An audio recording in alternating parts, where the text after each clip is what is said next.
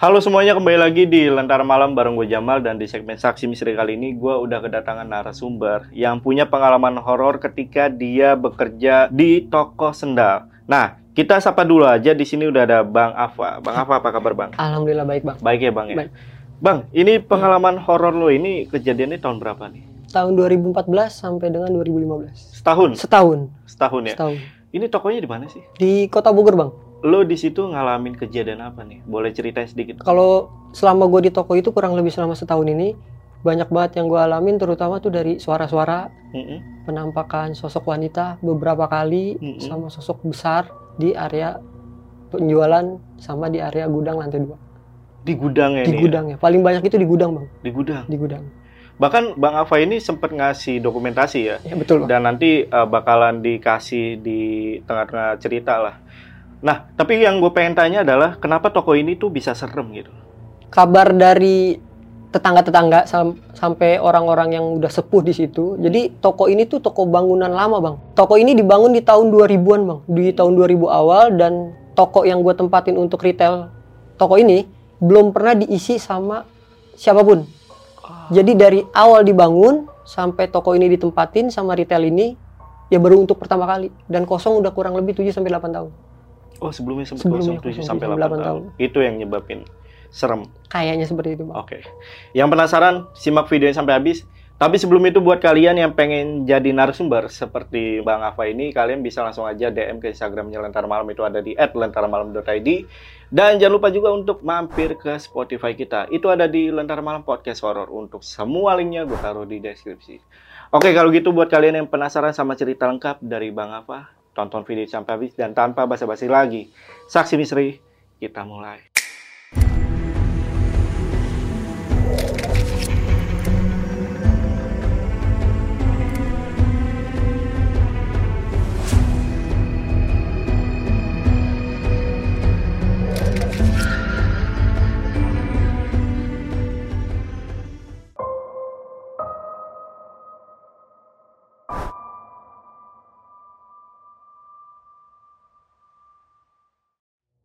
Jadi awal cerita ini di tahun 2014 temen gua ngajak gua untuk kerja bareng nih bang di salah satu perusahaan retail.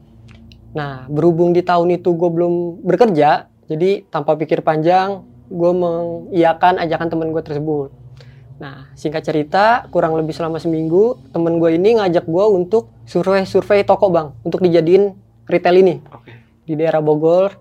Akhirnya dapat nih bang dari beberapa toko yang kita survei akhirnya kita dapat. Kebesokan harinya kita survei toko tersebut. Kita survei langsung bertiga. Jadi di toko ini tuh ada satu tim isinya tiga orang. Kepala toko, SPB sama SPG dan kebetulan SPB-nya itu gua. Kita bertiga survei datang ke toko itu dan toko ini tuh emang bener-bener bangunan tua bang. Bangunan tua. Terus di toko ini kurang lebih sekitar 7 sampai 8 toko berjejer panjang. Dan itu yang kosong hanya toko itu kebetulan. Kita masuk ke dalam toko itu ya lagi-lagi suasana toko yang kosong pasti kotor, lembab, anyep. Hmm. Akhirnya kita masuk bertiga, kita masuk bertiga, kita cek lantai satu untuk area penjualan sampai kita cek ke lantai dua. Jadi di toko ini ada tiga lantai, ada empat lantai bang. Lantai pertama itu kita pakai untuk penjualan. Lantai kedua itu area gudang. Lantai ketiga itu kita kosongin, kita nggak pakai sama sekali. Dan di lantai empat itu rooftop bang. Hmm. Dan isinya tuh cuma ada toren air untuk aktivitas kita lah, air turun ke bawah. Nah, jadi singkat cerita kita survei biasa dan kita juga udah ngubungin SPS kita, atasan kita. Ini mbak, rupanya bagus mbak, strategis karena kan deket pasar juga kan. Akhirnya di ACC. Nah, pas kita udah selesai survei, kepala toko gua nih yang ngajak gua kerja ini, dia baru cerita pas kita lagi makan, selesai survei toko itu. Dia cerita kalau pertama kali kita datang ke situ, pas kita masih di depan, dia ngelihat sosok wanita bang, lagi berdiri di depan kaca lantai dua toko tersebut. Jadi kayak ngeliatin ke- kedatangan kita. Iya, iya. Cuma kepala toko ini nggak langsung ngomong ke kita kita. Hmm. Dia keep, dia baru cerita pas kita udah selesai survei lokasi tersebut. Kurang lebih sekitar tiga hari persiapan, akhirnya kita grand opening.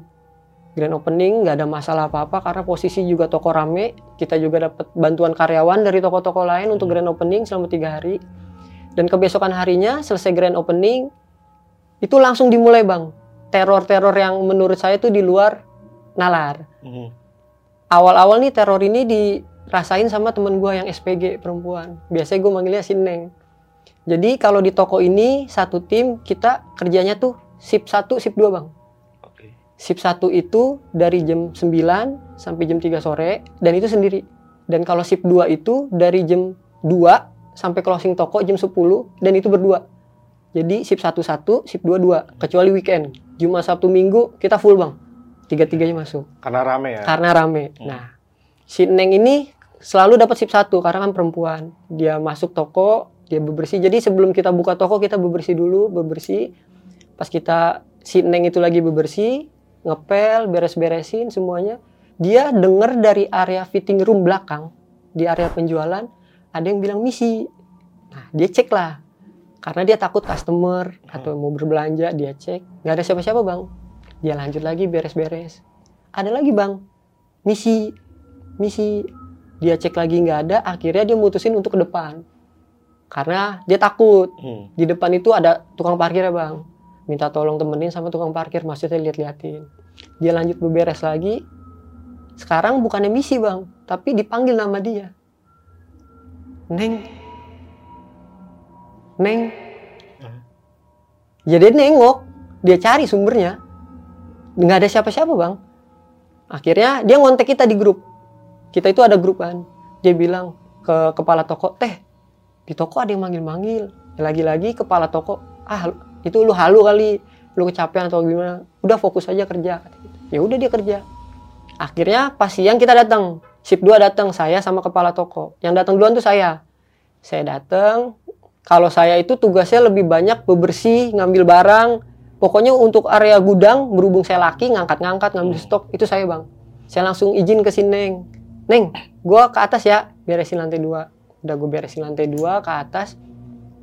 Itu pas gue lagi beres-beres ngambil pelan ngambil sapu ada suara bang. Pintu ketutup. Dar. Nah posisi WC-nya ini ada di lantai dua. Dan WC ini selalu dipakai untuk customer kalau minta ke tempat toilet. Hmm. karena WC yang di bawah ini udah dibuat sebagai fitting room bang.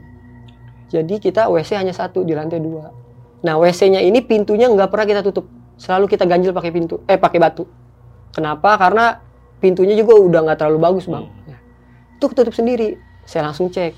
Batunya goyang bang. Maksudnya batunya geser. Bergeser. saya taruh lagi batunya buat ganjel pintu. Saya fokus bersih bersih lagi. Pintunya ketutup lagi bang. Dar. Nah saya langsung samperin lagi. Batunya kegeser lagi bang. Saya buka eh saya buka pintu saya ganjel lagi pakai batu saya fokus bebersih sekitar waktu lima menit ada suara dentuman bang seperti ledakan. Dar pas saya nengok ternyata galon yang ada di atas dispenser pecah dua bang. Pecah dua. Dan itu pecahannya rapih bang. Nggak pikir panjang galonnya saya ambil saya turun ke bawah. Sambil nunggu kepala toko ini datang. Ini galonnya nggak jatuh ya? galonnya jatuh bang Oh, tapi jatuh kepecah dulu. dua. Oh, langsung pecah. Itu tumpahkan air semuanya terus saya ambil ke bawah galonnya sambil nungguin kepala toko kepala toko datang saya laporan. Kepala toko bilang coba cek dispensernya apa meledak atau enggak.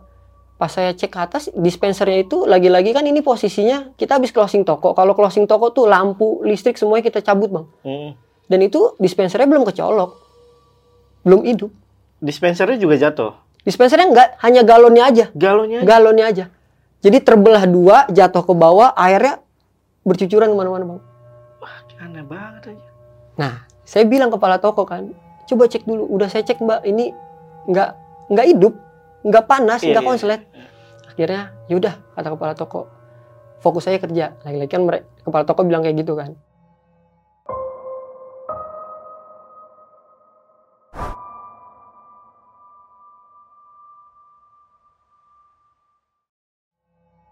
Di situ saya naik lagi ke atas, bersih-bersih lagi, bersih-bersih seperti biasa. Nah, sekarang giliran kardus bang, kardus. Jadi di toko ini gudang ini sendal semua ditaruh di kardus di bawah. Hmm. Itu kardusnya ngegeser sendiri. Kenapa ngegeser sendiri? Karena saya dengar suaranya. Saya lagi ngepel, ada suaranya bang, seret. Dan itu kardus itu kita bikin kayak saf gitu bang. Jadi kita untuk ngambil barang ada jalannya. Dan itu keluar dari safnya itu, keluar dari barisannya. Di situ saya langsung turun. Saya nggak lanjutin bersih bersihnya. Akhirnya udah sore, sekitar maghrib, si Neng juga udah pulang, tinggal kita berdua. Saya sama kepala toko. Maghrib kita kalau ibadah di lantai dua bang. Hmm. Sholat semua di lantai dua. Pertama yang sholat kepala toko. Kepala toko bilang ke saya, Bi tolong ke bawah, eh, fokus jagain bawah ya. Gue ibadah dulu ke atas ya udah. Dia sholat biasa nggak ada gangguan apa-apa. Dia turun, akhirnya gantian saya. Saya naik ke atas, lepas ke meja biasa. Saya ngambil wudhu. Saya lagi ngambil wudhu, lagi-lagi kan pintu nggak ditutup bang. Hmm. Ngambil wudhu, ada yang manggil bang. Manggilnya lagi-lagi kalimatnya misi, misi, misi. Saya, saya stop ngambil wudhu, saya nengok bang. Jadi badan saya masih di kamar mandi tapi nengok keluar palanya aja. Karena saya takut customer mau ke toilet. Iya. Saya nengok nggak ada siapa-siapa bang. Saya ambil wudhu lagi, lagi bang, misi, misi. Saya lanjutin wudhu, saya keluar. Karena udah selesai wudhu, saya keluar. Itu nggak ada siapa-siapa. Sebelum sholat saya ngecek dulu, nggak ada siapa-siapa bang. Iya, iya. Akhirnya saya sholat. Pas lagi sholat, jadi kiblatnya itu madep ke kaca depan toko bang, lurus. Pas saya lagi sholat, saya tuh ngerasa di belakang itu tuh kayak ada orang bang, yang lagi merhatiin saya.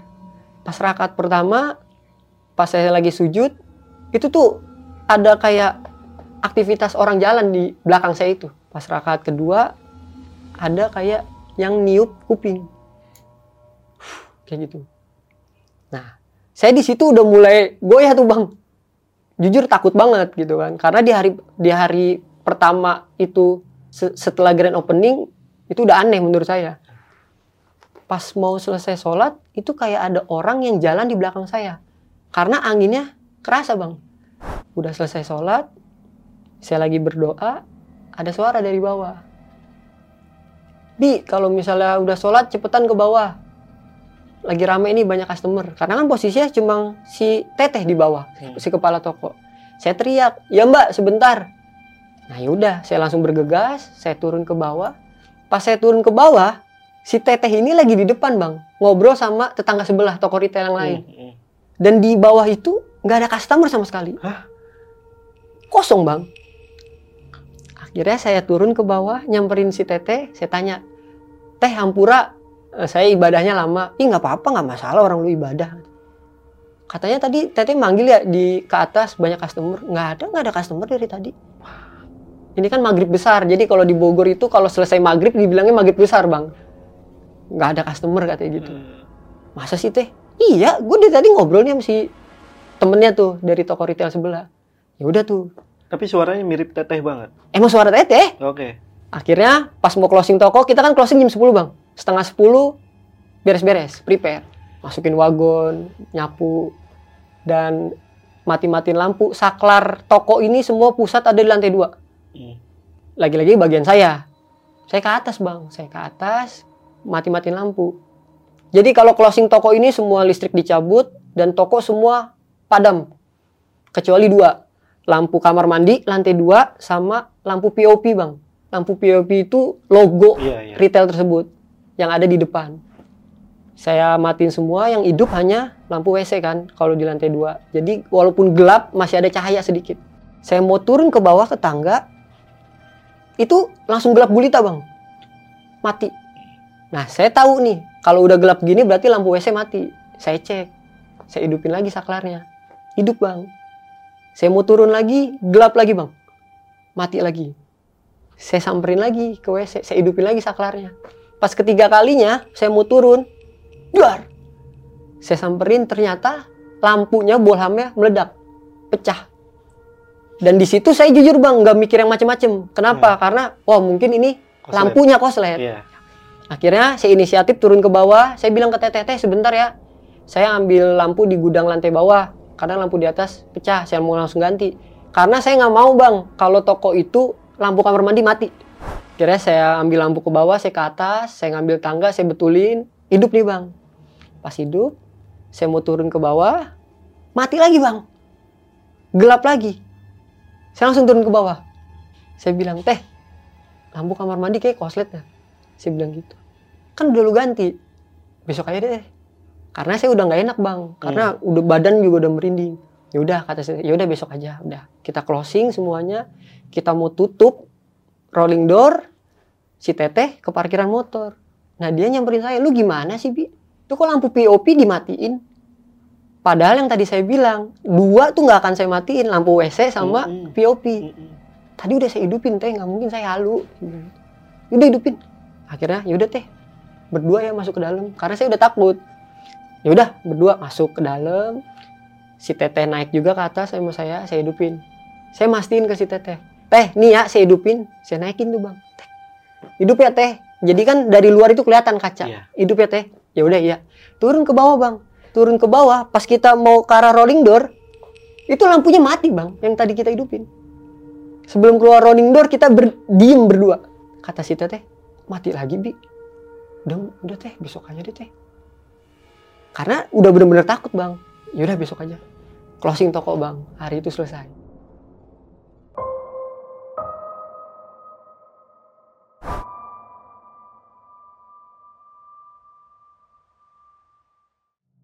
Dari awal kan lu udah ngerasa nih, ini ah, ada yang nggak beres nih. Hmm. Itu perasaan lu gimana? Maksudnya ini apa gue lanjut apa gimana?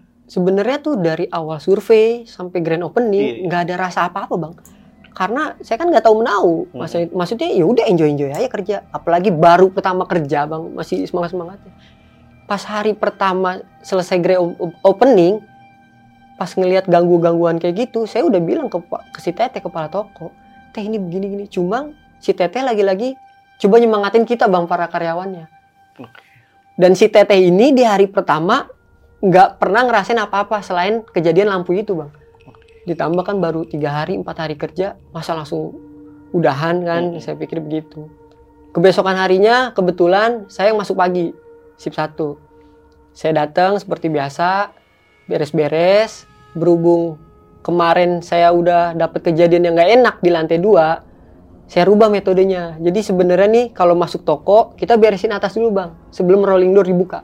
Sebelum penjualan dibuka. Habis itu kita beresin bawah baru buka rolling door ini saya dalam hati bilang nanti lantai dua kalau udah ada sip dua datang deh.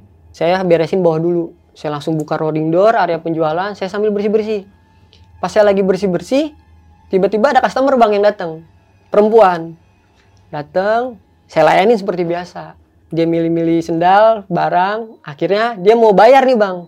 Mau bayar ke area kasir dia bawa barangnya. Pas mau bayar pecahannya kan besar ditambah itu customer pertama Mm-mm. saya juga belum rapiin uang kembalian atau uang penjualan bekas kemarin jualan. Pas saya mau ngambil kembalian di tas saya bekas penjualan yang semalam, pas saya balik lagi ke meja kasir, itu customernya udah nggak ada. Hah? Tapi barang barang yang dia beli ada di atas meja kasir. Akhirnya saya keluar langsung, saya cari customer. Saya pertama kali tuh nyari dia ke fitting room, takutnya dia nyobain baju, celana, jaket, itu nggak ada. Terus saya keluar, saya tanya tukang parkir, Mang, tadi customer ke mana ya? Nggak ada, nggak ada customer. Aduh. Nggak ada yang datang ke toko lu. Kalau ke Indomaret, banyak. Dia bilang kayak gitu. Karena kan sebelahnya juga toko retail lain gitu. Nah, Serius, Mang? Nggak ada. Ya udah, saya langsung cek CCTV.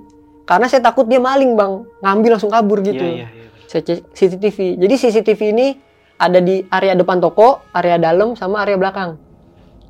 Di CCTV itu, di area dalam toko, itu dia ada bang. Dari dia di meja kasir, sampai dia keluar, itu dia ada. Tapi pas dari keluar toko, yang area CCTV luar, itu dia nggak ada bang, nggak ketangkep. Jadi di dalam nih dari meja kasir, dia keluar, mau ke Iya, arah iya, luar, iya. dia ketangkep bang CCTV. Iya, Dia jalan. Tapi pas dari mau dari dalam mau keluar itu nggak ada bang CCTV-nya. Sampai saya reply berapa kali itu nggak ada. Udah tuh, mulai panik karena saya cuma sendiri nggak ada temen. Jadi udah saya fokus saya di tengah-tengah area toko. Saya nggak bersihin belakang karena saya udah takut gitu Hmm. kan. Pas sip 2 datang si Neng sama si Teteh, saya langsung laporan ke kepala toko.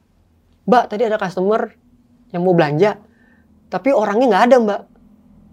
Masa sih? Mungkin dia duitnya nggak ada, atau enggak dia mau ke ATM dulu ngambil debit, ngambil uang katanya. Nah saya bilang, kan di sini ada debit mbak. Yaudah sekarang gini, barangnya ada nggak?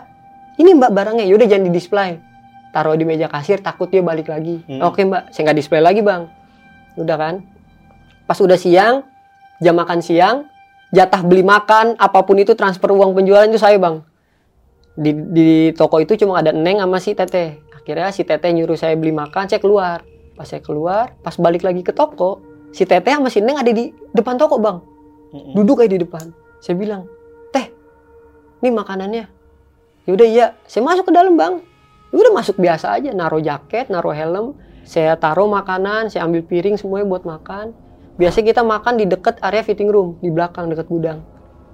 Si teteh sama si neng masih di depan bang. Mm-mm. sampai saya panggil teh ayo teh sini makan. Kata saya gitu. Si teteh manggil lu sini dulu dah. Ya udah saya keluar. Kenapa teh? Enggak tadi pas gua di dalam masih neng jadi di belakang itu kayak ada orang yang naik ke ke area lantai dua lewat tangga bang. Mm-mm. dari fitting room dia naik ke atas. Pas dicek sama mereka di atas nggak ada siapa-siapa. Cek CCTV juga nggak ada siapa-siapa. Akhirnya dia mutusin untuk di depan sampai saya datang. Ah, ini disaksikan sama dua, dua orang. orang. nah di situ saya baru bilang sama si teteh tuh kan teh akhirnya teteh ngerasain. Karena posisinya dari grand opening sampai hari pertama tuh cuma saya sama SPG si teteh tuh nggak ngerasain apa-apa nggak ngalamin hal apa-apa. Akhirnya dia nggak banyak ngomong yaudah masuk masuk. Pas closing kan saya pulang sore. Pas closing si teteh ini cerita kebesokan harinya sama saya. Jadi di atas itu pas saya nggak ada nggak ada yang berani ke atas. Nggak ada yang berani matiin lampu dan lain-lain. Karena pas setelah maghrib di area fitting room itu ada yang manggil nama si Neng jadi pas maghrib pas maghrib itu si Neng lagi di depan di area tenda si Teteh lagi di meja kasir di depan komputer ada yang manggil nama si Neng Mm. dari area belakang dekat fitting room dan gudang itu bang dan si Teteh langsung keluar sampai closing toko Yang gue penasaran adalah lo kan ngelihat yang customer yang hilang Hmm, itu itu ya. Itu sosoknya kayak gimana maksudnya mukanya kayak gimana? sosoknya manusia seperti biasa bang. Mukanya juga nggak pokoknya semua normal. Berpakaian normal. Saya juga masih ngelihat dia napak karena dia beli sendal. Dia napak bang. Ibu-ibu atau masih muda kah? sekitar umur 30-an bang. Nggak tua nggak muda. Perempuan. Rambut panjang pakai baju krem. Bajunya biasa bang. Baju krem. Kayak gitu bang. Dan itu nggak ada barang yang hilang. nggak ada barang yang Oke. hilang bang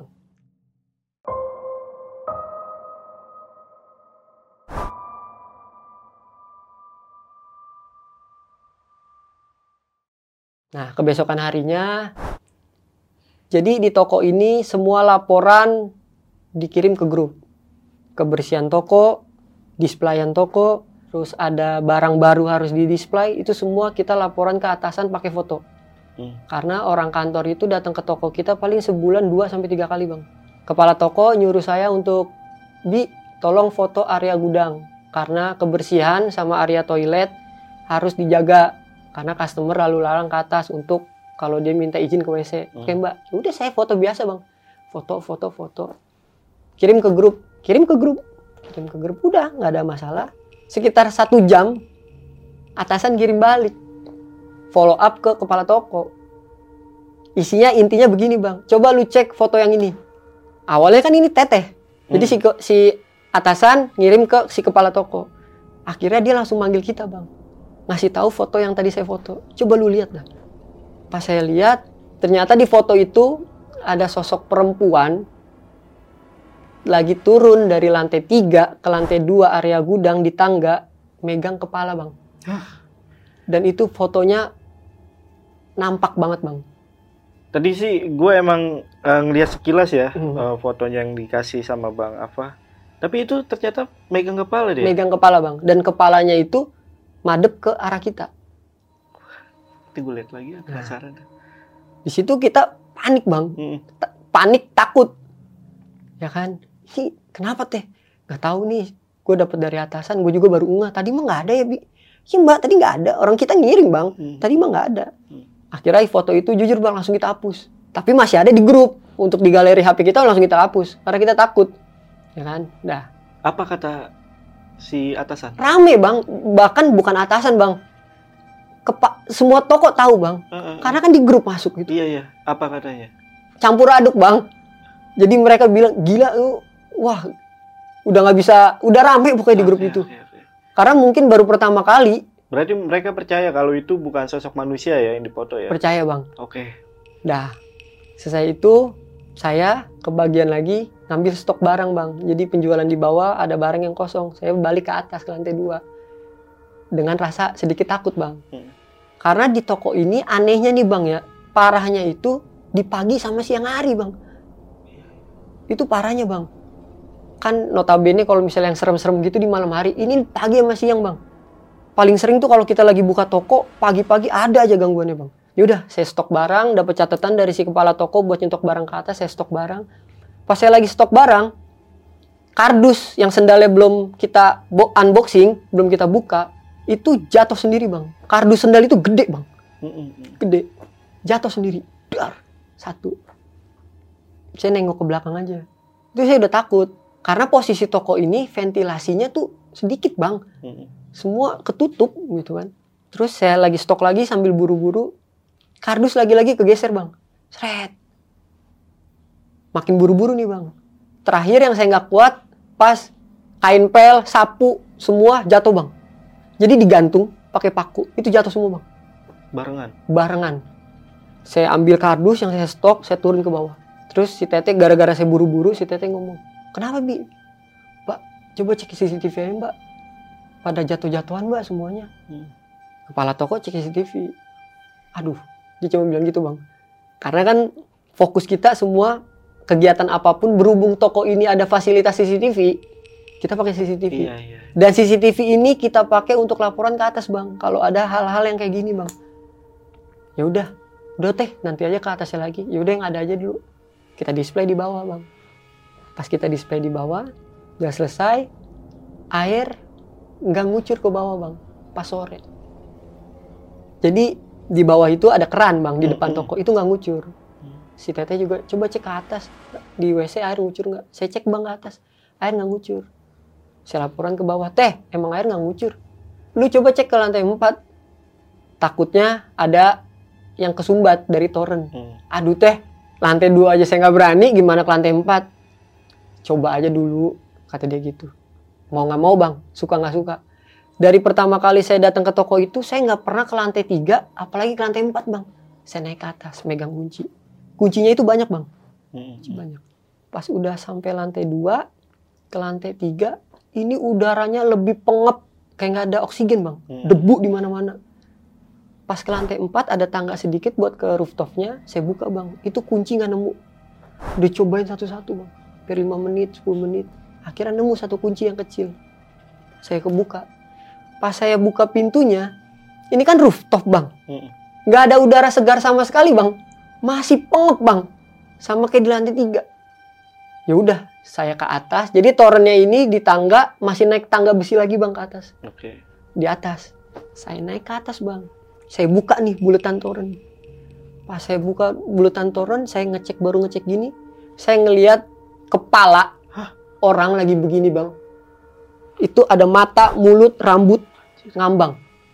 Saya langsung lempar tutup torennya saya turun ke bawah itu sampai saya jatuh bang dari tangga. Saking takutnya. Jadi kayak pelampung air toren Hmm. bulat itu kepala orang bang. Perempuan lagi kayak begini bang. Jelas tuh. ya. jelas bang. Itu kalau dibilang mau nangis mau nangis bang sambil turun ke bawah. Nah, saya langsung turun ke bawah turun sampai bawah. Saya bilang teh di atas saya ceritain semuanya. Ada kepala teh yang bener loh ini terus kata si Neng "Ya, terus gimana? Enggak teh ini masalah kasusnya. Di atas itu belum ditutup bang pintunya. Heeh. karena saya saking buru-burunya. Akhirnya saya minta tolong sama tukang parkir. Minta temenin ke atas. Saya samperin tukang parkir dan tukang parkirnya nggak mau nemenin bang. Karena mungkin dia orang lama di situ dia tahu penyakit. Sampai saya bilang bang tolong bang temenin. Sampai saya mau saya bohong nih bang. Saya bilang nih gue disuruh nih sama si teteh buat transfer duit. Tolong bang ke atas bang tutupin pagar eh tutupin pintu. Dia nggak mau bang. Sekarang gini deh berdua. Kalau berdua gue mau. Oh yaudah bang. Ayo berdua. Berdua bang gue ke atas. Berdua gue duluan di atas di depan. Karena dia lu duluan bi. Udah gue duluan. Pas gue sampai lantai tiga gue mau tutup lagi lagi tuh kuncinya yang udah saya apalin yang kecil. Susah bang nutup gemboknya. Apa gara-gara itu udah jarang dibuka atau gimana? Buka akhirnya bisa ketutup. Pas saya nengok tukang parkirnya udah nggak ada di bawah bang saya langsung Lari la- dia. saya langsung lari ke bawah. Saya tanya lu ngapain bang enggak tadi pas gue lagi naik ke atas gue ada yang narik dari bawah. Gue langsung turun ke bawah. Kata dia begitu bang. Gak beres. Tapi toren ini sempet lu tutup gak? turun enggak nggak- nggak tutup bang. Gak lu tutup nggak gitu ya? ketutup. Sampai gue keluar di toko itu gue nggak tahu itu cerita di atas gimana. Karena gue udah nggak mau lagi naik naik ke atas bang. Karena itu Oh, iya, iya. bener-bener kepala ngambang bang. Dia gini bang Itu maksud gua kenapa nggak cek apa? Takutnya kan kepala beneran. nggak nggak Saya udah- Gitu ya. kaget bang buat turun aja sampai ngejeledak bang Hmm. Torennya ada gambar penguin ya? nah betul bang tapi bukan oranye tapi biru Biru. biru bang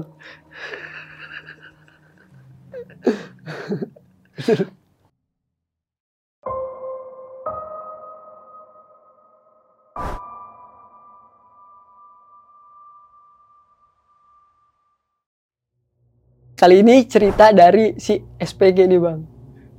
Si SPG ini posisinya siang banget tengah hari bolong bang. Sineng nih ya? Si Neng bang. Hmm. Dia lagi ngelayanin customer, selesai ngelayanin, ngasirin, dia customernya bayar, dia duduk di kasir. Berhubung dia masih sendiri, udah fokus di kasir aja. Ada customer datang baru dia layanin. Pas dia lagi di kasir, ada suara orang misi bang. Lagi-lagi misi, Iya. misi. Tapi bedanya sekarang dia nggak gubris bang. Dia nggak gubris. Lagi-lagi misi, misi. Dia nggak gubris. Dia baru gubris ketika ada suara orang turun dari lantai dua ke bawah bang. Turun, dek, dek, dek, dek. Nah lagi-lagi kita itu kalau di toko retail takut yang namanya kemalingan bang. Hmm. Karena semua ditanggung sama kita. Mau nggak mau berani, berani nggak berani dia cek ke belakang bang. Dia cek ke area tangga, nengok nggak ada siapa-siapa, dia cek ke fitting room. Baru dia mau nengok ke fitting room, ada cewek berdiri, megang rambut, lagi ngaca di fitting room bang.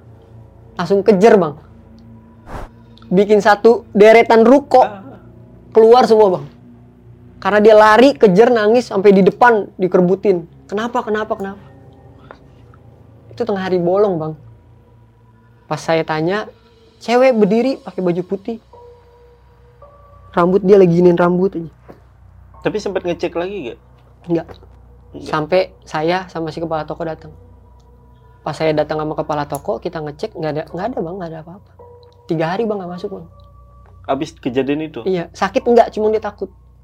Iya ya. Roma sih, iya sih. Ngeri lah. Maksudnya tuh dia pasti berpikir orang dari mana Iya. datangnya kan. Kalau dari depan kan kelihatan sama dia. Saking banyaknya kejadian aneh, Iya, iya. akhirnya saya nanya nih ke tukang parkir karena saya temen rokok, temen ngopi, Mm-mm. bang, ini toko gini amat ya bang. Saya baru ngomong gini amat, dia langsung ngomong udah biasa. Coba lu tanya sama yang lain. Maksudnya sama tetangga ruko itu. Mana ada yang berani dia ke atas lu aja. Emang kenapa bang? Dia bilang, nih toko lu ini dari awal dibangun baru lu yang nempatin. Terus kalau toko lain mah ada yang udah nyewa setahun, enam bulan. Nah toko ini nih baru lu yang nempatin. Ditambah lu kemarin main grand opening aja, selamatannya nggak ada. Dia ngomong begitu bang. Iya, iya. Dah saya langsung masuk. Oh jangan-jangan misi-misi itu ya kita nggak permisi, kita nggak kulo nuwun bang. Disindir. Disindir Iya. mungkin bang. Ya udah saya sampein ke si teteh. Teh tadi habis ngobrol tukang parkir, saya ceritain tuh ini toko kosong teh. Kita juga kemarin nggak ada selamatan dan lain-lain. Si teteh langsung inisiatif. Yaudah gini aja. Nanti kita bikin selamatan kecil-kecilan.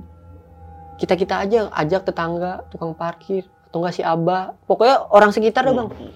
Dua hari kemudian kita selamatan bang, ngaji biasa ngaji selamatan. Pas udah mau closing toko, itu closing toko kita cepetin bang jam 8 Sisanya kita buat Banyak. ngaji.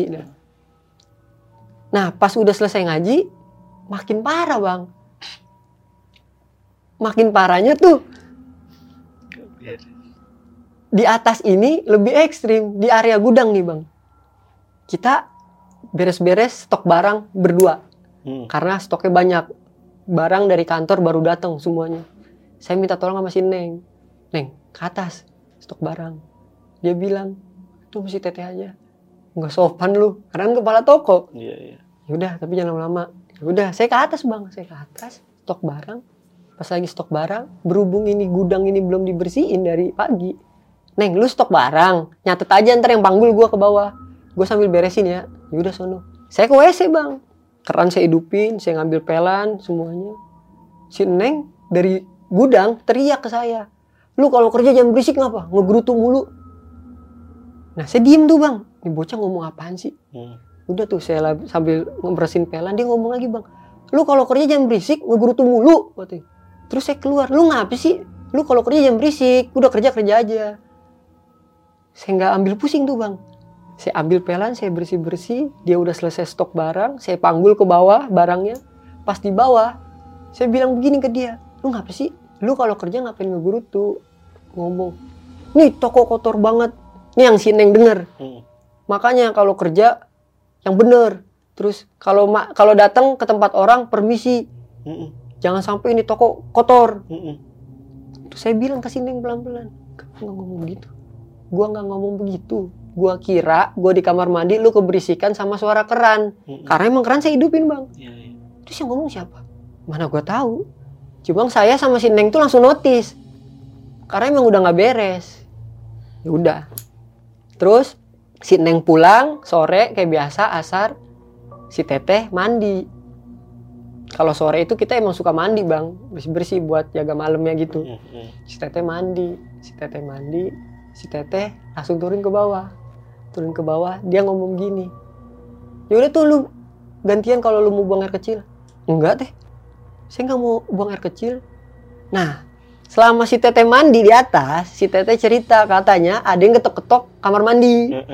Terus si Teteh ngomong sebentar teh cepetan gue mau kencing. Itu suara saya kata si Teteh. Ya udah sebentar dikit lagi selesai. Dia selesai mandi dia turun makanya dia ngomong begitu ke saya sedangkan saya nggak ke atas. Iya, iya. lagi-lagi saya cuma nimpalin tuh kan teh. Karena dari awal kan kita udah bilang ke dia dan dia tuh sedikit nggak percaya. Ya udah. Di situ udah sampai closing toko nggak ada masalah. Cuma kebesokan harinya saya ke bagian sip 1 pulang sore si Neng sama si Teteh yang closing kan. Pas mau closing toko nih bang mau nutup rolling door. Jadi kalau kita dari luar kan pasti madep ke arah kasir. Hmm. Si Neng bagian nutup rolling door, si Neng ngeliat sosok hitam besar bang di area kasir. Lagi-lagi bang ngejerit bang. Si Teteh langsung nyamperin dari parkiran motor langsung nyamperin, Hmm. sampai tukang parkir nyamperin. Guring-guringan bang di bawah sambil nangis. Pas ditanya dikasih minum, dia katanya ngeliat sosok besar banget bang di area toko itu. Ya udah langsung tutup rolling door. Besokannya dia nggak masuk lagi bang. Cuma bedanya nggak tiga hari cuma sehari. Jadi saya ngefull nih bang dari pagi sampai malam. Iya, iya.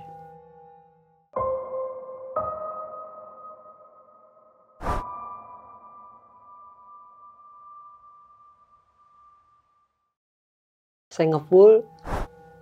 Nah sekarang giliran si teteh yang bener-bener ngerasain hal-hal yang aneh. Si teteh jualan. Jualan. Pas dia lagi jualan ada yang manggil nama si Neng Hmm. Nah si Teteh itu notice, lah kan dianya udah pulang. Dan yang manggil itu cewek bang, Iya. bukan cowok. Kalau cowok mungkin saya. Dia diem tuh, manggil lagi dua kali. Dia langsung nyamperin saya ke area depan. Saya jaga di tenda. Bi ada yang manggil di dalam. Udah teh di depan teh. Jangan nyari perkara. Saya bilang begitu kan. Ada customer yang beli bang. Saya ngelayanin bang, ngelayanin. PR-nya, barangnya, size-nya, ukurannya nggak ada di bawah bang. Berhubung saya lagi ngelayanin si teteh di meja kasir, saya bilang teh barang ini ada nggak di atas? Ada, mau nggak mau antara kita ada yang ngambil. Hmm. Berhubung saya lagi ngelayanin, si teteh nih bang naik ke atas. Dia naik ke atas, ngambil barang, nyari. Nah, si teteh ngomong, lu ngapain naik ke atas lagi? Kata si teteh begitu. Heeh. Udah gua aja yang ngambil.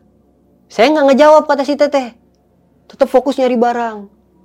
Terus si teteh udah dapat barang nih, ngambil kardusnya, turun ke bawah. Nih udah udah sama gua, dia turun ke bawah. Pas turun ke bawah, saya lagi sama customer bang di bawah. Berhubung itu customer ada 4 sampai 5 orang, yang jaga cuma berdua, Hmm. si teteh belum ngomong. Pas ngomong, pas customer udah selesai beli semua, dia langsung narik saya, dia ngomong begitu bang. Berarti ngelihat jelas tuh ya. Ini Ada lu di ada ada saya di atas. atas. Makanya dia marah-marah karena kan posisinya di bawah itu rame. Iya, iya. Saya nggak perlu ke atas. Iya, iya. Pas kita mau closing toko, saya mau matiin lampu ke atas. Saya bilang teh, saya nggak berbersih, saya cuma matiin saklar. Ya udah iya, saya matiin bang saklar semua. Cepet bang, nggak pakai lama, cepet ke atas. Pas mau closing toko, itu lampu bang, kayak kejadian awal, lampu POP-nya mati. Hmm. Udah nggak banyak ngomong, saya cuma lihat-lihatan. Udah teh besok aja teh. Nggak, saya nggak berani ke atas lagi. Ya udah. Besokan harinya lagi-lagi nih bang, kantor minta foto. Sekarang foto area WC, kebersihannya gimana? Hmm. Kita foto bang, seperti biasa foto, 4 sampai 5 foto, kirim ke grup. Nah ini nggak sampai 5 menit, ditelepon sekarang bang sama atasan. Coba cek lagi fotonya. Pas dicek sama kita langsung itu di depan WC bang, ketangkep pakai ketangkep di foto itu ada sosok hitam berdiri bang, berdiri aja dia bang. Gak banyak ngomong sih sama si Tete cuma ngeliat-lihatan berhubung lagi jaga berdua. Ini apaan lagi teh? Itu siang bang. Malamnya disuruh foto lagi gara-gara ada barang datang sebelum maghrib. Hmm. kita taruh di bawah untuk di display. Foto lagi bang cuma bedanya sekarang foto berdua ke atas karena saya nggak berani. Di, di bawah itu cuma fokus ke tukang parkir. Saya bilang mang kalau ada customer teriak gue denger. Saya ke atas sama si teteh foto bang seperti biasa. Normal nggak ada apa-apa. Sebelum dikirim kita udah cek bang karena udah dua kali nih begini. Ada di dalam foto itu sosok wanita yang lagi duduk di dekat kardus-kardus. Sendal itu arah ke area kaca ngebelakangin kita. Udah tiga foto nih Udah ya? tiga foto bang, tanpa disengaja, tanpa kita nyari-nyari. Kita langsung respon ke atasan. Mbak, hampura mbak, ini toko begini mbak. Ya mungkin dia nutupin atau gimana. Lagi-lagi dia ngasihnya motivasi bang, ngasih semangat. Udah fokus aja kerja. Udah fokus aja kerja. Jujur yang paling ngedown di sini itu si Neng. Karena pertama perempuan masih muda juga bang. Terus ya udah dia yang paling sering ngelihat sosok nompok langsung dia tuh. Hmm. ya udah saya bilang sama si teteh teh ini gimana jadinya ya? Saya bilang gitu. Ya gimana? Kata dia gitu. Gangguan-gangguan itu beberapa hari berapa minggu kemudian itu hanya suara-suara bang. Masih suara manggil Hmm. misi suara jatuh. Yang paling ngeselin nih bang saya bilangnya ngeselin.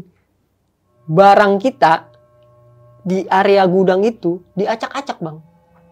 Diacak-acaknya tuh kita display barang itu sesuai artikel bang. Ini sendal sendal sepatu sepatu itu diacak-acak bang. Dirubah-rubah bang. Sampai segitunya? mending kalau rapi berantakan bang. Iya, iya. berantakan. Kita fokus kan CCTV ya emang itu nyata. Tapi kardusnya nggak sampai kebuka ya? nggak sampai kebuka bang. Nah udah kayak gitu udah selesai.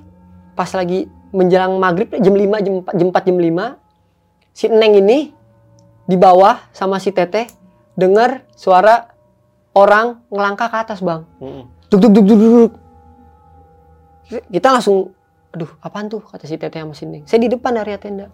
Bi bi bi. Dah saya kalau dipanggil gitu langsung masuk ke dalam bang. Dia nggak ngomong apa apa bang. Terus denger lagi bang. Duk duk duk duk duk, duk. di area atas. Teh ke depan aja teh.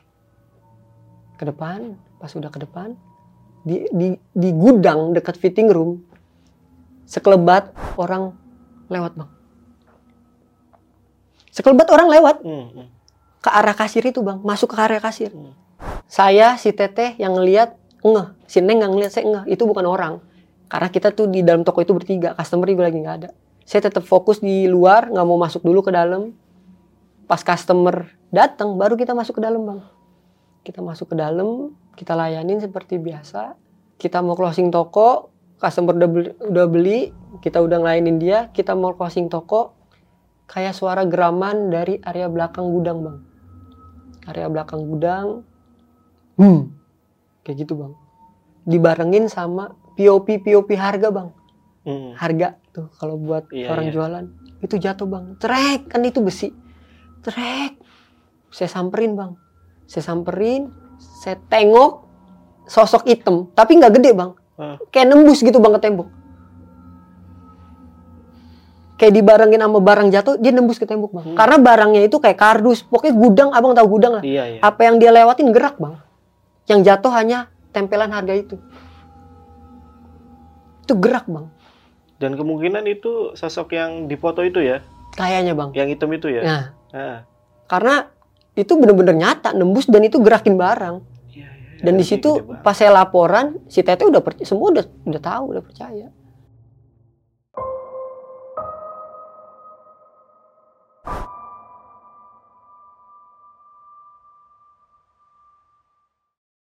besokan harinya kebetulan si Tete nggak masuk cuma saya sama si Neng.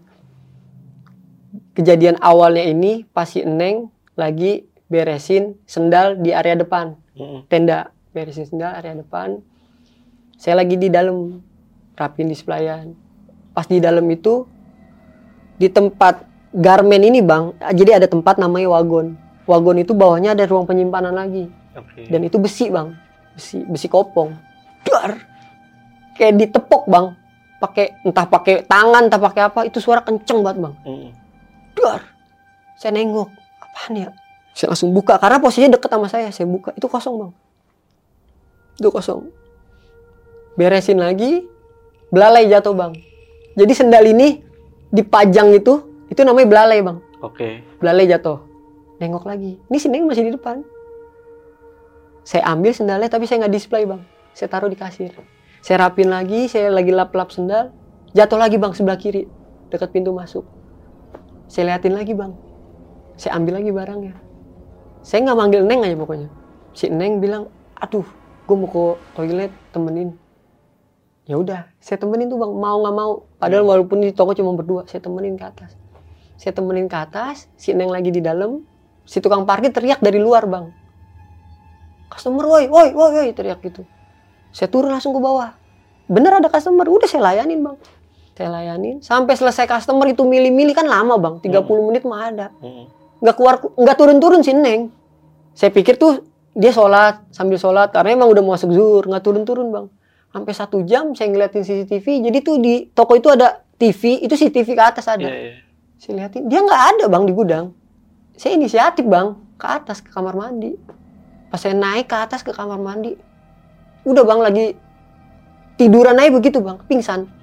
Di dalam kamar di dalam kamar mandi. Pintu kebuka nggak ketutup. Ah. saya bangunin bang. Saya bangunin saya bangunin. Itu susah bang sampai saya cepet-cepetin air akhirnya dia bangun bangun cuma nangis. Saya bawa turun ke bawah saya nggak taruh di meja kasir saya taruh di depan. Saya taruh di depan terus rame juga kan di depan toko itu jadi rame bang. Mm. tetangga sebelah. Saya tanya kenapa? Jadi pas dia keluar dari kamar mandi ada sosok cewek yang lagi ngeliatin dia gitu bang senyum. Cuma bedanya dia cerita mukanya pucet terus bajunya lusuh. Jadi warna putih kecoklat-coklatan. Di situ udah dia lupa. Di situ dia lupa ya udah udah neng. Lu kalau misalnya mau pulang pulang deh cuma gua nggak bisa nganterin. Mm-mm. waktu itu dia bawa motor juga. Waktu itu tuh nggak yang namanya Gojek Grab belum belum serame kayak Hmm. sekarang bang. Terus gimana? Akhirnya dijemput sama kakaknya bang. Dijemput sama kakaknya. Saya jaga toko sendiri. Dari jam 1 siang sampai closing toko. Walaupun udah laporan sama si Teteh. Posisinya posisinya ini si Teteh ini lagi meeting ke kantor. Mm. ya udah. Saya bukan takut kewalahan ngelainin customer nggak bang? Cuma saya takut hal yang lain. Iya, iya. sampai saya minta tolong sama tukang parkir. Temenin ya ntar duit rokok gampang. Saking takutnya bang. Layanin customer bulak balik ke atas bang dengan rasa takut ngambil barang. Ini yang yang bikin zongnya pas mau closing mau closing toko bang. Hmm. closing toko saya tutup rolling door dulu. Karena kalau kalau jaga sendiri kita ke atas nggak tutup rolling door itu bahaya bang tutup rolling door dulu sedikit walaupun nggak rapet saya ke atas bang. Beresin atas matiin lampu semuanya. Itu di atas itu hening bang. Toko ini kan di pinggir jalan. Itu nggak ada suara motor nggak ada apa bang. Hening banget. Ya udah saya beresin cepet-cepet matiin semua. Pelan semua ditaruh walaupun saya nggak ngepel. Pas saya turun ke bawah ada suara geraman. Baru sampai tangga. Hmm. kata dia gitu. Saya diem tuh bang saya lanjut lagi turun hmm. dia makin kenceng bang pas saya turun mau udah sampai bawah itu ada orang yang lari dari fitting room ke area kasir. Hah? Dan di situ saya inisiatif langsung lari, Bang. Kenapa? Karena posisi saya sendiri itu takut orang. Karena posisinya nampak, Bang, orang. Itu Cowok. bener- cowok, Bang, Hmm. orang. Saya langsung lari, di kasir nggak ada siapa-siapa. Dan di area penjualan sepanjang itu sampai rolling door itu kosong, Bang. Saya langsung cek CCTV. Cek, nggak ada siapa-siapa, Bang. Saya beresin uang, laci semua, matiin komputer, beres-beres, tas saya semua.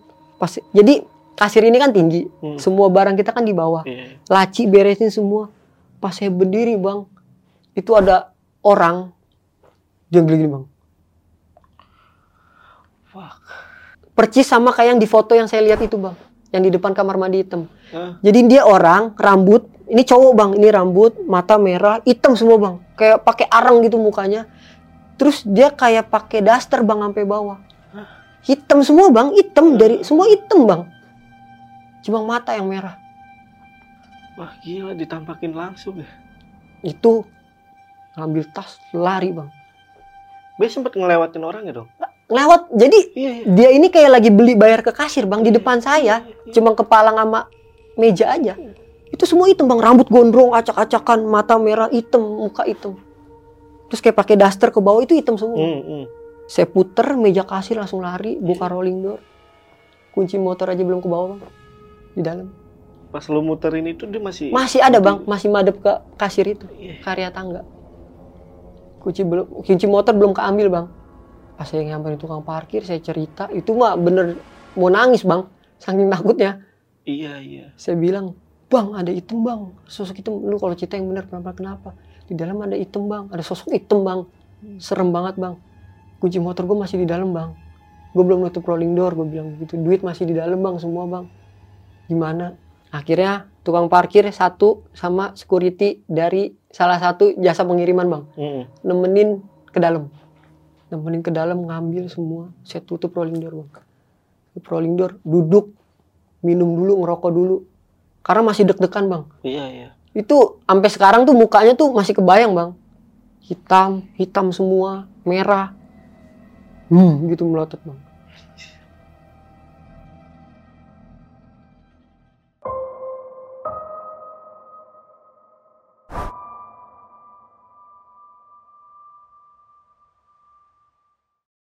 Cerita ke si teteh WA cerita. Besokannya ketemu sama si teteh. Saya ngomong parah teh parah. Saya bilang kayak gitu kan. Di toko ini. Terus si teteh ngomong eh gimana lagi? Hmm. ya udah kuat kuatin kata dia begitu kan. Terus saya bilang teh nggak bisa nambah karyawan atau gimana teh? Saya bilang kayak gitu.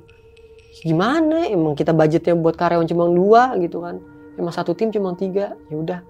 Di dalam pikiran saya itu bang ya udahlah saya saya alihin gimana caranya biar saya nggak kena zong. Jadi kalau apa-apa ya berdua nggak sendiri berdua ke mana-mana ke gudang ke mana itu berdua bang Tapi kalau yang shift sendiri gimana? kan si Neng, saya, kepala toko jarang sendiri bang. Itu saya selalu bilang, ya udah fokus aja di area penjualan, Iya iya. fokus aja di area penjualan. Sampai kita inisiatif bang, kalau kita lagi rame penjualan, kita lagi sibuk, barang-barang yang kelihatan di bawah udah habis size-nya, kita turunin ke bawah bang. Stok di bawah itu walaupun cuma ada satu apa, kita penuhin aja bang, Iya paham. Biar kita nggak ke atas. Kepala toko bilang kita fokus kerja, bla bla bla bla, kasih motivasi. Walaupun saya juga takut, dia saya tahu dia juga takut bang. Hmm, hmm, hmm. Si atasan akhirnya datang bang ke toko itu. Biasanya dia tahu dari foto kita laporan CCTV. Dia datang ke toko itu, duduk di meja kasir bang, ngecek penjualan, laporan semua. Lagi duduk-duduk kayak gitu, kita lagi fokus jualan. Si atasan itu keluar dengan sendirinya bang, ke mobil dia, bawa tas, bawa laporan. Tapi dia duduk di mobil. Hmm. Kita udah selesai jualan, saya tanya, kenapa mbak cepet amat baru 10 menit? Dia cerita, katanya dia diketawain bang. Dari arah belakang. Jadi area kasir ini ada pintu lagi bang buat ke area fitting room sama tangga. Iya, Jadi iya. kayak ada sekat gitu bang. Diketawain, dia langsung keluar bang. Ketawain sama cewek. Di situ kita bilang, tuh kan mbak. Mbak juga ngerasain. Wah gila. Sampai atasan. Karena emang dia datang ya seminggu, eh sebulan itu dua sampai tiga kali doang bang. Hmm, hmm. Berarti tuh pertama kalinya atau udah keberapa kalinya gitu? Udah di bulan itu dia baru dua kali datang. Mm-mm. Yang pertama nggak ada masalah, pas lagi grand opening kan lagi rame-rame tuh bang. iya. Pasti ada atasan kita. Yang kedua itu di Berarti ini masih dalam sebulan ini masih dalam sebulan. kejadian itu Iya bang. yang lu ceritain tadi. Iya. Wah gokil. Sedangkan gue kerja di toko ini tuh hampir setahun bang. Iya iya. 11 bulan lah, hampir setahun. Bisa bisa part 10 ini. Wah gila gangguannya. Karena itu rapet bang setiap harinya. Paling ada beberapa hari, sehari, dua hari itu cuma gangguan suara. Iya iya. Jadi fokus kita gini bang, selagi nggak nampakin kita masih oke lah. Cuma kalau udah nampakin itu kita udah ngedon bang, kita benar-benar takut. Ini serius ini sebulan gila kayak gitu kejadiannya. Kita ngomong ke tetangga, tuka- terutama tukang parkir bang. Selain kita, kita kan suka-suka gosip bang. Mm-mm, Apalagi kejadian si Neng sering nangis di depan toko. mm-mm. Tetangga kan pada tetangga kita tuh sebelah retail juga bang. Iya iya. Dia kalau mau matiin lampu dan lain-lain, minta tolongnya temenin ke tukang parkir, ke Hmm. saya, Hmm. ke atas yuk anterin, ke atas yuk anterin. Karena ya mungkin sama bang, dia tahu, cuma dia nggak mau buka suara aja. Iya iya. iya. Toko lain sama bang, ekspedisi yang rata-rata cowok sering Iya. ngobrol sama saya kalau lagi istirahat sama bang. Dan kemungkinan ini juga ah, mungkin di toko tetangga itu karyawannya banyak. Kalau lu kan cuma bertiga. Bertiga, ya. ditambah cuma toko saya sama Indomaret bang, yang lantai duanya dipakai untuk area gudang. Mm-mm. Yang lainnya cuma fokus ke lantai satu, lantai dua, tiga itu kosong bang. Iya iya iya. Iya benar. Karena emang kita doang yang nyetok. Nyetok barang itu di atas. Iya. Kalau mereka kalau gue cerita nih bang, diketawain bang. Ya lu baru begitu. Gue waktu itu dia punya cerita masing-masing bang. Dari itu kan tadi katanya deretan 8 ya. Delapan toko. ruko ya. Itu semuanya kayak Sama, Bang. itu ya. Jadi kalau kita cerita, Gokil. ah lu baru begitu. Kemarin gue begini, gue baru begini, begini. Hingga akhirnya ah, ada latar belakang apa nih yang lo terima sampai kenapa kok banyak kejadian kayak gini gitu. Saking banyaknya kejadian, akhirnya kita nanya sama orang-orang yang udah lama di situ. Mm-mm. Jadi dulu ini di tahun 90-an ini tuh kebun kosong bang. Ini kebun aja, pohon bambu, pohon-pohon. Ruko ini kan dibangun di tahun 2000. Mm-mm. Nah sebelum itu ada kejadian di pohon kapuk. Jadi di area tuko, ruko itu masih ada pohon gede banget bang. Mm-mm. Ruko masih ada beberapa pohon yang besar dan itu belakangnya pemukiman warga sekarang bang. Rapet, pemukiman warga rapet. Jadi orang sekitar ngomong di tahun 90-an ada orang wanita mengakhiri hidupnya dengan cara gantung diri di salah satu pohon kapuk tersebut. Dan posisinya dia sedang mengandung. Dan yang meninggal gantung diri itu bukan warga sekitar situ bang, tanpa identitas. Dimakamin di daerah pemakaman sekitar situ juga. Em, ini udah banyak warga yang tahu. Legend bang, ruko ini bang. Maksudnya tentang si sosok wanita yang bunuh Iya. diri ini.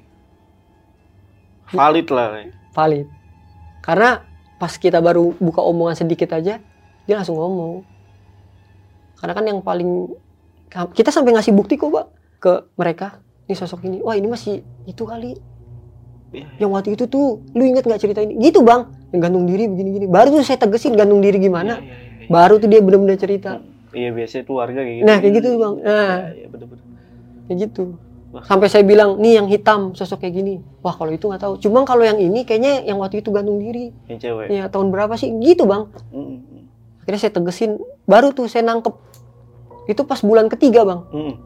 sampai saya hampir setahun di toko itu ya masih banyak bang maksudnya suara Masih banyak kejadian. Masih banyak. Penampakan juga masih banyak juga. paling sering tuh si Neng Sineng ya. si Neng kalau saya tuh kebagian suara barang Sineng masih ada gak kontaknya? masih ada bang Kapan-kapan kita ajak ya. Ya, boleh. coba coba minta tolong sama Bang apa hmm. eh, ajak Neng ke sini. iya, siap. Ini soalnya wah gokil ini. Kejadiannya beruntun bahkan tadi gue sampai ngira itu udah setahun lo rapel gitu Enggak, Bang. kejadiannya. Ternyata baru sebulan itu ya. baru sebulan Udah rapet banget. udah ya. rapet kita amannya jadi di toko itu amannya tuh kalau lagi penjualan rame bang Iya iya. karena kita sibuk Iya benar. nggak mikirin hal-hal itu kita fokus jualan Hmm. tapi kalau lagi sepi Nah itu tuh baru tuh. Dan di toko ini gangguannya tuh selalu kayak baru buka toko, siang, mau maghrib. Kalau malam ya nggak terlalu bang. Karena kita juga udah tahu kalau malam nggak terlalu banyak aktivitas ke atas. Oke. Ada gak customer yang ngalamin kejadian horor di tempat itu selama lo kerja? Kalau customer itu cuma ada suara-suara bang. Suara-suara tuh kayak suara anak kecil. Eh, apa nih? Bilang apa customer? Jadi dia lagi dilayanin sama karyawan kita, Mm. sama temen gua lagi layanin. Ih, anak su- suara anak kecil di mana tuh? Nah, si karyawan kita atau enggak saya bilang nggak ada anak kecil bu. Cuma kita langsung notice. Ah, Cuma kita langsung notice. Nggak ada anak kecil bu. Oh, itu satu dua orang kayak gitu pak. Cuma kita nggak cerita banyak enggak. Oke. Sama tukang parkir Hmm. itu pernah ngalamin apa di ruko lo? Kalau tukang parkir itu dia ngalaminnya sebelum ini ruko ditempatin sama retail kita bang. Oke. Ini kan masih tutup nih, Iya. masih tutup. Selain ada kejadian dari ruko-ruko lain, dia tuh bilang, jadi ruko ini lucu bang. Di ruko gua ini, di di rooftopnya itu selain ada toren air, itu ada pemancar bang. Apa Oke. sih namanya? Kayak sutet pemancar, salah satu operator bang, Oper- operator kartu. Oke. Di situ dia pernah lagi parkir biasa, jam 10-an, jam 9 jam 10. Itu ada sosok wanita yang nangkring di atas. Jadi ntar saya kasih tahu nih rukonya gambarnya. Iya. Itu di atas percis di ruko kita. Itu ada pemancar bang, dia lagi nangkring. Eh, Itu doang dia. Terus sama ya cerita-cerita dari pegawai ruko-ruko yang lain. hmm, hmm. Makanya dia bilang ya udah biasa. Karena laporannya bukan dari toko saya doang, yang lain juga. Tapi nanti kita diskusi ya. Ini mau ditampilin nggak toko tokonya Ya. atau enggak ya? Iya. Nanti kita diskusi dulu Hmm. ya. Oke oke. Menarik menarik. Wah gokil ini. Paling buat teman-teman nih yang pengen tanya-tanya lebih lengkap lagi, kalian bisa langsung aja DM ke Instagramnya Bang Ava. Hmm. Atau kalian pengen undang lagi Bang Ava ke sini. Karena kan ini masih banyak ya Bang ya. Masih banyak Masih bang. banyak ya Bang ya. Masih banyak. Walaupun udah ketahuan latar belakangnya, tapi kejadian-kejadian horornya masih banyak ya. Iya. Nah itu kalian bisa langsung DM aja ke Instagramnya Lentera Malam untuk kita undang lagi Bang Ava next time gitu. Nah kalau buat yang tanya-tanya langsung aja ke Instagramnya Bang Ava ada di mana Bang? RB Apfa. RB Ava. RB Apfa. Oke nanti untuk linknya gue taruh di deskripsi. Oke paling eh, sekian dulu Bang cerita dari lo. Thank you nih udah datang ke Lentera Malam Thank you Bang Jamal. ya. Kapan-kapan next kita cerita lagi ya. Siap Bang. Masih ada banyak kan ya? Masih banyak Bang. Banyak banget. Nah, selain toko sendal ini eh, Bang apa punya kejadian horor di mana lagi, Bang? Di rumah sendiri. Di rumah sendiri. Di rumah sendiri. Di rumah sendiri. Di rumah sendiri. Oke. Paling eh, video malam ini cukup sampai sini. Thank you Bang Apa sekali lagi. gue Jamal dari Lentera Malam dan Bang Apa izin pamit. Bye.